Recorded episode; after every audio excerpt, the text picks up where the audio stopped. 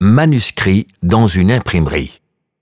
Dans la vaste bibliothèque privée de la famille d'imprimeurs Plantin et Moretus, on trouve en effet des manuscrits. L'imprimeur Christophe Plantin et les premières générations qui lui succèdent les achètent parce qu'ils peuvent les utiliser. Ils contiennent des textes qu'ils désirent imprimer et éditer, par exemple des écrits d'auteurs grecs et romains. Les générations ultérieures des Moretus sont de véritables collectionneurs.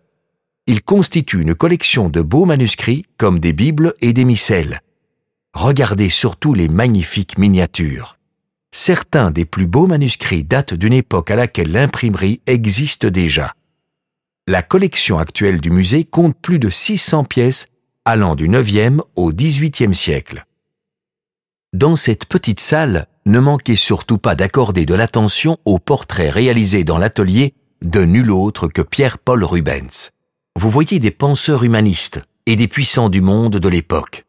Entre autres, deux membres de la célèbre famille Médicis de Florence, une famille qui collectionnait aussi des manuscrits dans sa bibliothèque.